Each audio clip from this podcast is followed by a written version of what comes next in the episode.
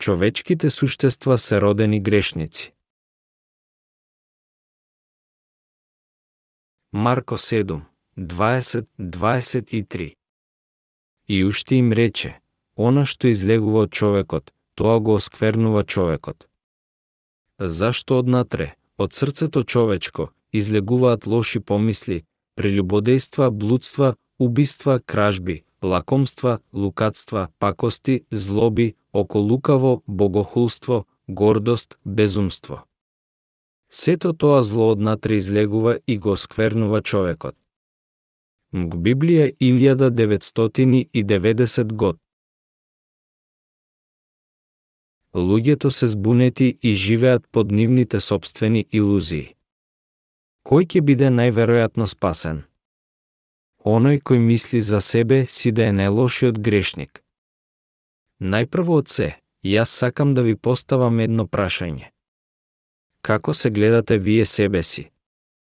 Дали мислите дека сте добар или злобен? Што мислите? Сите луѓе живеат по нивните собствени илузии. Вие може би не сте толку злобен колку што се замислувате, ниту пак толку добар како што се мислите. Кој тогаш мислите дека води подобар живот на вера? Дали е тоа оној а кој се мисли да е добар? Или пак е оној а кој се мисли да е злобен? Второто е, ајде да ве прашам друго нешто. Кој е најверојатно да биде искупен? Оној кој извршил повеќе гревови или оној кој извршил само неколку? Оној кој признава дека извршил безбројно многу гревови е најверојатно да биде искупен затоа што тој таа прифаќа да е гробен грешник. Ваквата особа може подобро да го прифати словото на искупението приготвено за него неа од Исус. Кога ние реално ќе погледнеме на себе си, очигледно е дека сме маса на гревови. Што се човечките суштества? Човекот е само злосторнички род. Во Исеја 59 стои дека има секакви видови на беззаконија во срцата на луѓето. Заради тоа, јасно е дека луѓето се маса на гревови. Меѓутоа, ако го дефинираме човештвото како маса на грев, многу не би се согласиле со ова. Но дефиницијата за човекот да е злосторнички род е точната дефиниција. Ако ние искрено се погледнеме себе си, јасно и очигледно е дека сме злобни суштества. Оние кои што се искрени со себе си мораат да стигнат до истиот заклучок. Но изгледа дека многуте луѓе одбиваат да признаат дека тие се маса на грев. Многу имаат комфортен живот затоа што не земаат во предвид да се грешници. Откако ние сме злочинци, ние создадовме и злобна цивилизација. Ако тоа не е вистина, ние ќе се срамевме да грешиме. Меѓутоа многу од нас не се срамат кога извршуваат грев. Сепак, нивната совест знае. Секој еден има совест која му вели, срамно е, Адам и Ева се скрија измеѓу дрвјата откако тие извршија грев. Денес, многу грешници се кријат позади нашата грда култура, нашата култура на грев. Тие се кријат себе си заедно со нивните блиски грешници за да ја избегнат пресудата Божја. Луѓето се измамени од нивните собствени илузии. Тие се замислуваат себе си да се многу подобри од другите така да кога ќе слушнат некаква лоша вест, тие извикуваат гласно, како може човек да направи такви работи? Како може човек да го направи тоа? Како може синот да им го стори тоа на своите родители? Тие самите веруваат дека тие не би направиле такво нешто. Драги пријатели, тешко ви е вам да се знаете себе си. Со цел да навистина се знаеме себе си, ние прво треба да го примиме искупението на гревовите. Потребно е долго време додека се придобие правилното знаење за нашата човечка природа и има многу од нас кои што нема да го најдат ова се до денот на нивната смрт. Познавајте се себе си. Како живеат оние кои што не се познаваат себе си? Тие живеат лицемерен живот, обидувајќи се да ја скријат нивната грешност. Понекогаш ние се среќаваме со вакви луѓе кои на вистина не се познаваат себе си. Сократел рече, познавајте се себе си. Меѓутоа, повеќето од нас не знаат што има во нашите срца. Убиства, кражби, лакомства, лукавства, пакости, разузданост, околу лукаво. Оној кој не се познава себе си го има отровот змиски на неговите незините устни, но зборува за добрини. Причината за ова е поради тоа што особата не знае дека тој таа беше роден, а како неизбежена грешник. Има многу на овој свет кои што не ја знаат нивната вистинска природа. Тие се измамиле себе си и завршуваат живејки ги својот живот врзани во нивните собствени заблуди. Тие не разбираат дека тие се фрлаат себе си во пеколот заради нивните собствени измами. Луѓето непрекратно истураат гревови по целиот нивен живот. Зошто одат тие во пеколот? Затоа што тие не се познаваат себе си. Ајде да прочитаме во Марко 7, 21-23. Зашто однатре, од срцето човечко, излегуваат лоши помисли, прелюбодејства, блудства, убиства, кражби, лакомства, лукатства, пакости, злоби, околукаво, богохулство, гордост, безумство. Сето тоа зло однатре излегува и го сквернува човекот. МГ Библија 1990 год. Ајде да го замислиме човечкото срце да е направено од стакло чаша и до врвот наполнето со гнасна течност, наречена нашите гревови. Што ќе се случи ако човекот одеше напред-назад, напред-назад? Гнасната течност, грев, би била истурена на секаде. Ако човекот се помрдне гревот ќе се истури на секаде. Ние, кои сме маса на грев, го живееме нашиот живот на тој начин. Ние истураме грев на секаде каде што одиме. Ние ќе погрешуваме целиот наш живот затоа што сме маса на грев. Проблемот е што ние не сваќаме дека сме маса на гревови или со други зборови семе на грев. Ние сме маса на грев и имаме гревови во нашето срце од денот на нашето раѓање масата на грев е готова да префрли. Меѓутоа, луѓето не веруваат дека тие се, фактички, наследено грешници. Тие мислат дека други ги заведуваат на грев и заради тоа тие не се оние кои што се злобни.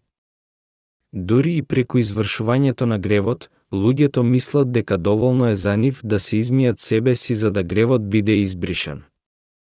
Тие само чистат откако самите тие цело време грешат и си кажуваат себе си дека тоа не е нивна грешка. Само заради тоа што себе си се чистиме дали тоа значи дека е во ред да продолжиме со исторување на грев. Нема корист од чистењето на надворешноста. Без разлика колку често ние чистиме надворешноста со нашите добри дела, се додека чашата е полна со грев, тоа е бескорисно. Кога чашата е полна со грев, таа ќе продолжи да го истура него. Нема никаква корист од чистењето на надворешноста. Без разлика колку често ние ја очистуваме надворешноста со нашите добродетелни дела, тоа е бескорисно се додека чашата е полна со грев. Ние сме родени со толку многу гревови во нашите срца да тие нема никогаш да постанат празни, без разлика на тоа колку грев ние истураме по патот. Заради тоа, ние извршуваме гревови преку целиот нашиот живот. Кога некој не сваќа дека тој таа е на вистина само маса на грев, тој таа продолжува да ја крие својата грешна природа. Гревот е во срцата на луѓето и не исчезнува со чистењето на површината. Кога ние ќе истуриме малку грев, ние го исчистуваме со крпа, а кога ќе истуриме пак грев, го чистиме со пешкир, потоа со черга, после тоа со четка. Ние се надеваме дека ако продолжиме со чистењето на хаосот повторно и повторно дека ќе биде чист, но тоа едноставно пак поново се истура. Колку долго мислите дека ова ќе оди? Тоа продолжува се до денот на смртта на човекот. Луѓето действуваат грешно се до денот на нивната смрт.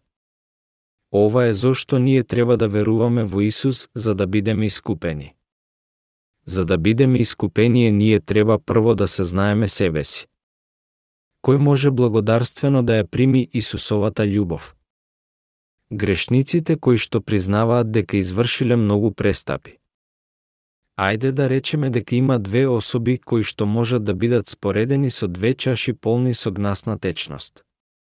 Двете чаши се полни со грев. Едната особа погледнува на себе си и си вели, колку грешна особа сум. Тогаш тој таа се предава и тргнува да бара некој кој може да му помогне. Но другата особа мисли да не е навистина злобна. Тој таа не може да ја види масата на грев во себе си и мисли да не е толку грешен, а целиот живот тој таа продолжува да го чисти истуреното. Тој чисти на една страна, после на друга страна, брзо префрлајки се на трета страна.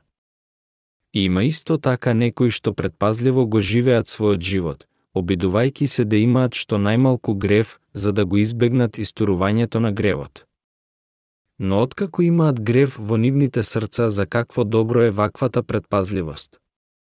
Тоа што се предпазливи нема да ги одведе нив ништо поблиску до небесата.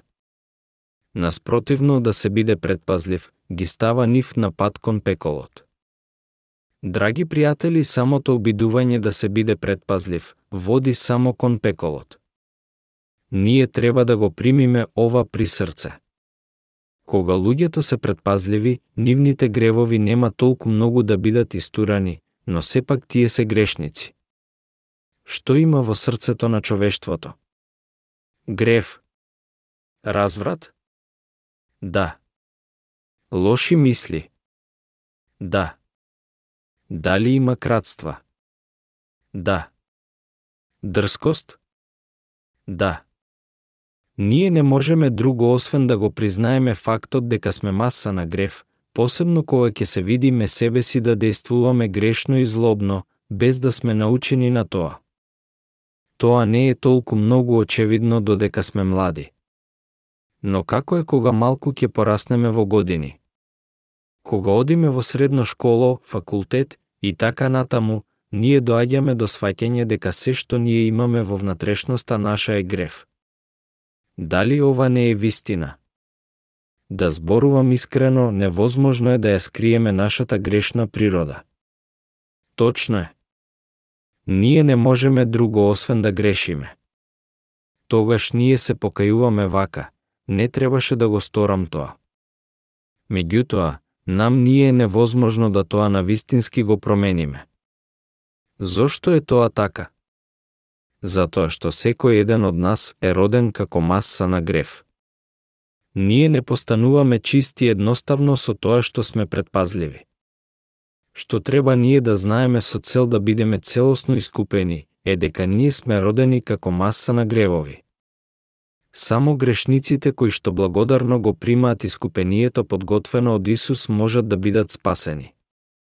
Оние кои што мислат, јас не сум направил многу престапи или не сум погрешил многу, не веруваат дека Исус ги однесе сите нивни гревови и дека тие се на пат кон пеколот. Ние треба да знаеме дека секој еден од нас ја има оваа маса на грев во внатрешноста своја, затоа што ние сме родени со тоа.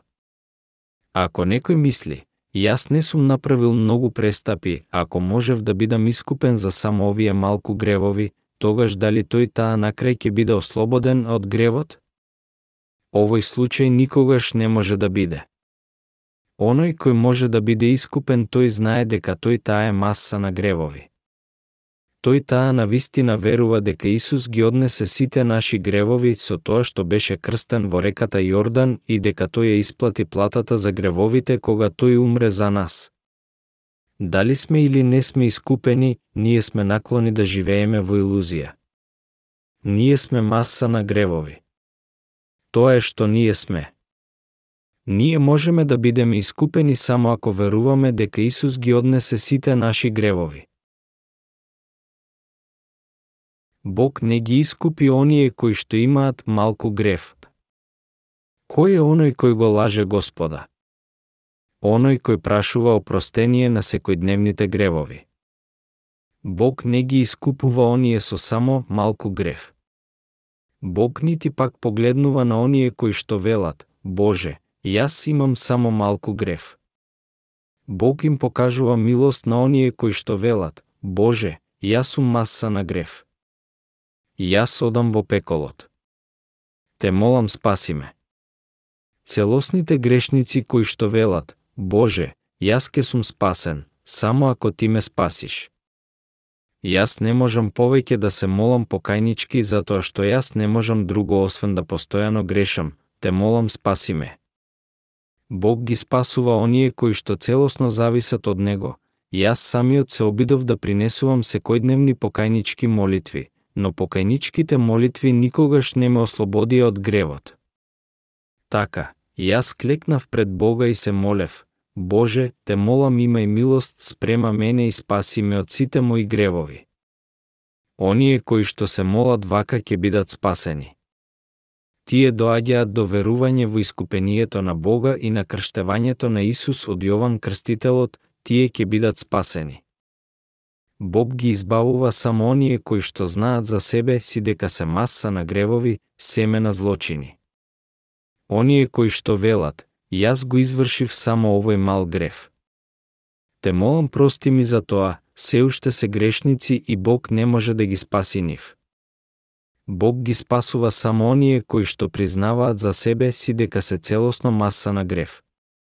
Во Исаија 59, 1-2 напишано е, ете, раката на Господа не се скусила, та да не може да спасува, и увото негово не отврднало, та да не може да слуша но беззаконијата ваши ве разделија од вашиот Бог и гревовите ваши прават да го сокрива лицето свое од вас, за да не слуша.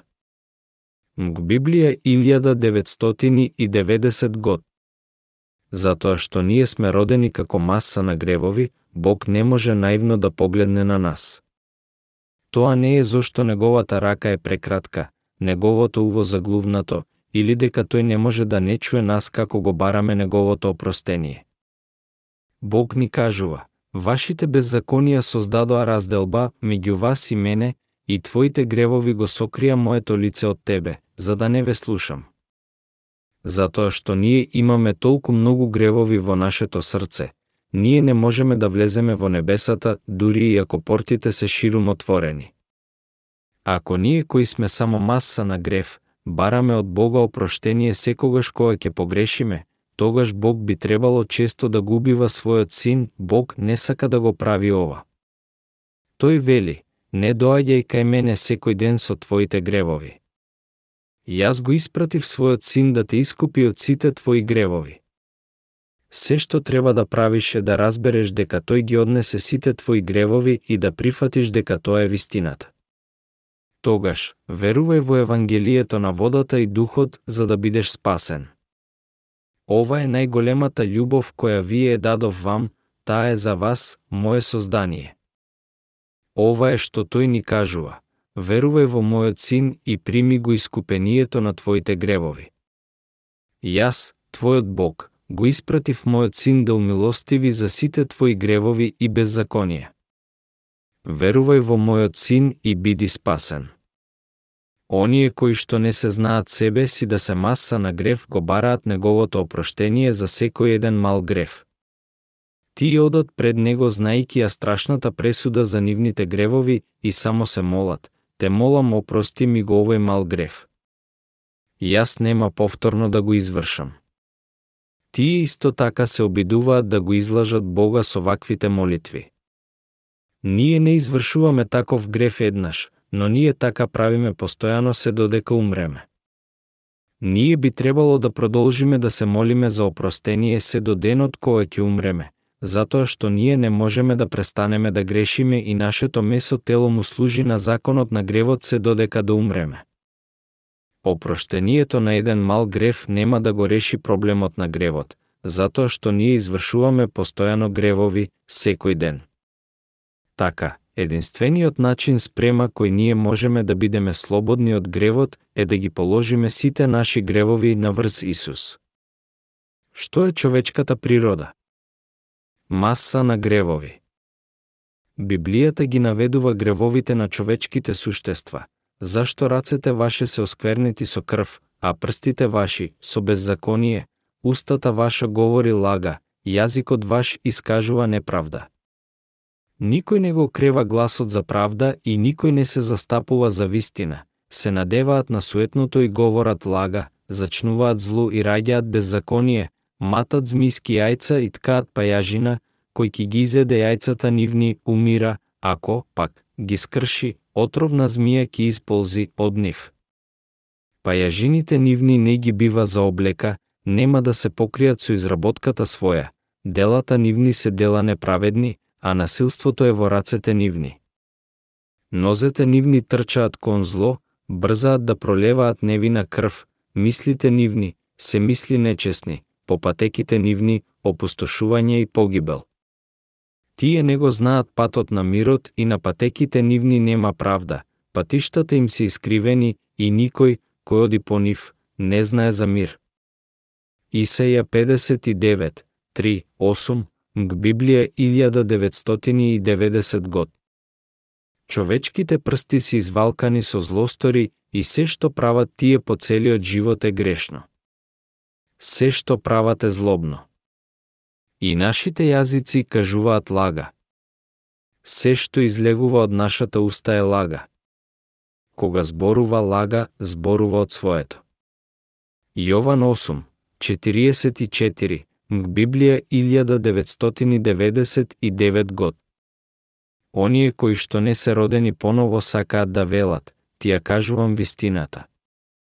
Јас на вистина ти кажувам. Јас што ти веламе вистината. Меѓутоа се што тие велат не е ништо друго освен лага. Тоа е како што е напишано, кога зборува лага, зборува своето. Луѓето ја ставаат својата доверба во празни зборови и зборуваат лаги. Луѓето зачнуваат зло и раѓаат беззаконие. Тие лежат на змиски јајца и ткаат пајакова мрежа. Бог вели, ако го изеде некој нивното јајце, умира, ако го скрши, од него излегува лутица. Тој вели дека има змиски јајца во нашите срца. Змиски јајца. Има зло во нашите срца. Затоа ние треба да бидеме искупени со верувањето во Евангелието на водата и крвта. Кога и почнам да зборувам за Бога, ги има оние кои што велат, ох, леле. Не зборувај ми за Бога. Секогаш кога сакам да направам нешто, грев се истура од мене. Тој гревот само се истура. Јас не можам никогаш еден чекор да направам без да истурам грев на секаде. Не можам друго. Јас сум преполн со грев. Јас сум безнадежен. Така не зборувај ми за светиот Бог. Оваа особа знае сигурно дека е само маса на грев, но не знае дека Бог ја спаси него неа целосно преку Евангелието на неговата љубов. Само оние кои што се знаат себе си да се маса на грев можат да бидат спасени. Всушност, секој еден е таков. Секој еден постојано истура грев секаде каде што оди. Гревот само се истура затоа што сите луѓе се маса на грев единствениот начин за нас да бидеме спасени од ваквото постоење е преку силата Божја. Нели е тоа едноставно чудесно?